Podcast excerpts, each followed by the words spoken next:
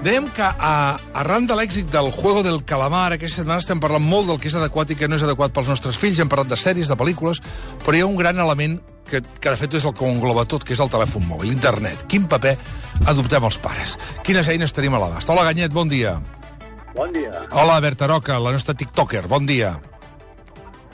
Bon dia. I saludo l'Alba Castellví, que és sociòloga i acaba de publicar a Educar adolescents, d'angle editorial. Hola, Alba, bon dia.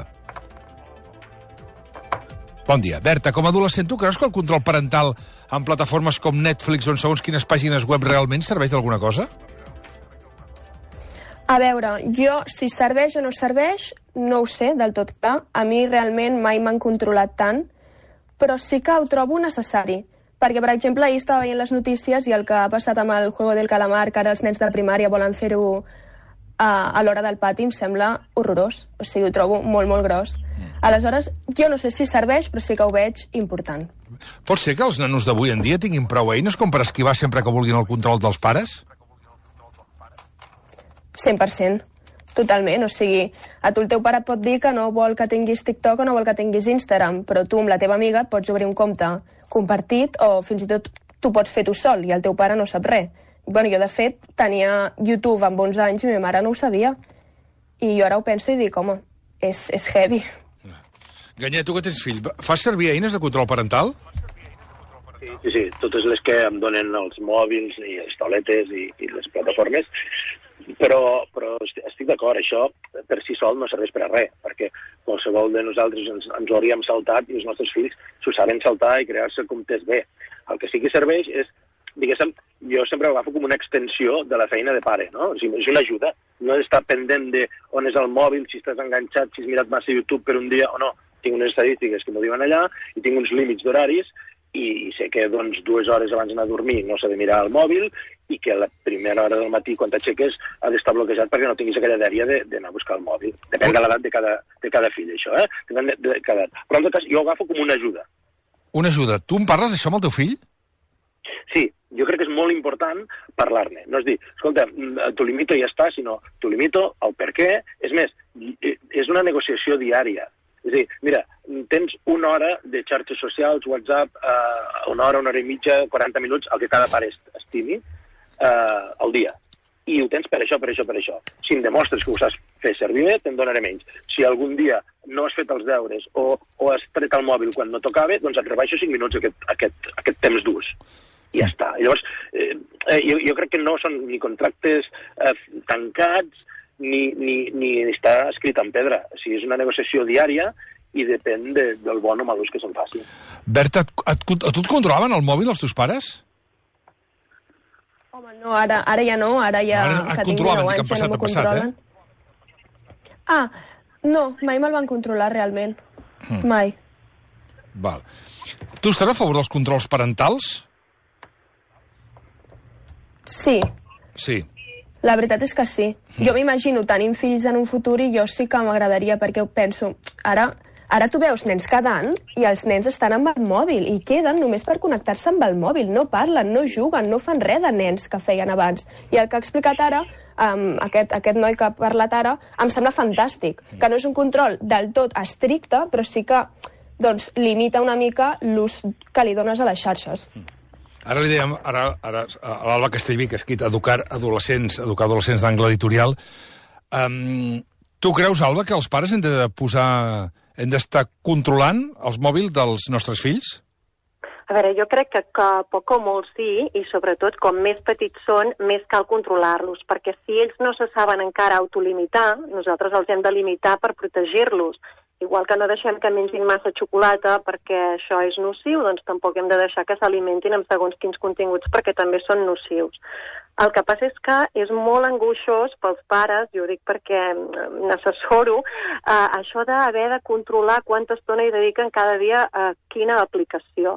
Una cosa que va molt bé és fer servir aplicacions com ara Screen Time, on ells ja poden prescriure a través de l'aplicació quanta estona poden estar amb cada cosa, per exemple, quanta estona amb TikTok, quanta estona amb WhatsApp, i cada dia mm, poden marcar horaris diferents, fins al punt que mm, fins i tot poden eh, fer que se'ls ampliï una miqueta l'horari d'ús si primer demostren que han fet determinades tasques. Això és una manera d'alliberar-se ell d'haver de fer un control directe sobre la parella i el seu fill, que és una cosa molt cansada i que a més no sempre és possible perquè no sempre són a casa quan els seus fills fan servir els aparells. Mm. Eh, eh, hem de, eh, I li preguntava abans amb enganyet si hem de saber tot el que hi ha dins del mòbil dels nostres fills. Hem de saber coses que hi ha dins el mòbil, però sobretot a través de la confiança que ells ens puguin tenir. És que el control ve un moment que no és prou útil, perquè no estaràs mirant cada, cada matí, cada tarda el que ha passat dins aquell mòbil. No? En aquest sentit, sobretot en el cas dels adolescents i els preadolescents que ja volen protegir la seva intimitat, val la pena mirar de fer confiança amb els amics, perquè moltes vegades són els amics dels fills els que ens expliquen més coses que no pas els fills propis, no? Comparteixen més informació a casa dels altres, amb converses informals, que amb els pares a casa seva. Llavors, preguntes com, i què es diu per les xarxes? I què és l'última moda? al mòbil, a fetes als companys, quan venen a casa a dinar o a sopar o a passar una estona, ens pot permetre obtenir més informació que la que ens dona el fill de paraula. Mm. Josep Maria Ganyet, ens pots recomanar algun, algun parell d'aplicacions, tant d'Android com d'iOS? Sí, sí, sí. Mira, jo eh, eh, només faig servir únicament exclusiva les, de, les que ja porta el sistema operatiu. Uh, amb, amb iOS teniu el, en família, que el porta el mateix sistema operatiu, que és molt eficient i fa tot això que dèiem ara, no? O sigui, controlar el temps de cada aplicació, si dius jocs uh, una hora al dia o els caps de setmana una mica més, i tot això ja ho programes i és aquesta assistència que ja dic, ja, evidentment, si jo m'hagués de preocupar cada dia del que està passant al mòbil de mon fill i a la tauleta em tornaria boig. Llavors, Uh, I en, en Android és el mateix, el que passa que us heu de baixar una aplicació que també és de, és de Google mateix, que es diu Family Link. Va. El que heu de fer llavors és crear-vos el grup de família i això també us dona avantatges de que si compreu una aplicació els vostres fills la tindran de franc, si compreu una pel·lícula o una cançó també la tindran de franc els vostres fills. Per tant, eh, que, que és fàcil de negociar amb ells, de dir, escolta, ens posarem al grup de família i a més a més sàpigues que tens unes, hi ha unes normes que les tens aquí, eh? són aquestes. Bon. Escolta'm, uh, Netflix té control parental? Sí, sí, Netflix també té un mode de control parental. Els que tingueu Netflix podeu anar a la gestió de comptes de, dels diferents usuaris que tingueu i llavors podeu especificar per a cada usuari quin límit d'edat té i quin tipus de contingut pot veure. Eh? O sigui, ho, ho heu de fer, diria que només es pot fer a la web. O sigui, un navegador, obriu el vostre compte de Netflix i aneu allà als diferents membres de la família quins controls tenen. Escolta, una, una última pregunta, Alba. Um, L'informe que ha tret aquesta ahir Save the Children, del qual en parlàvem avui al Món RQ, alertava de la normalització de la pornografia que consumeix la gent jove. I, i la pregunta és si l'educació que reben els nostres joves és l'adequada. Doncs no, en absolut, perquè moltes vegades l'única educació sexual que reben és precisament a través de la pornografia. I per això mateix és molt necessari que a les cases se'n parli, eh, perquè no l'acabin convertint en el seu manual d'aprenentatge. Doncs en aquest sentit, els hem de dir coses importants, com ara que el que mostra el porno no és el que esperen les parelles sexuals fora de la pantalla, que el que s'hi veu no està pensat per reflectir la realitat, sinó que està pensat per aconseguir més espectadors, i que, tot i que els espectadors de vegades volen reproduir a la realitat el que veuen a les pel·lícules, als vídeos, això no té sentit, perquè les relacions sexuals tenen camins que són més senzills, que són més naturals, hem de poder-ho dir als fills, això, eh? que el que esperen les parelles sexuals de debò sovint està molt lluny del que es proposa per aquesta indústria, de manera que no són aquests models els que s'han d'imitar.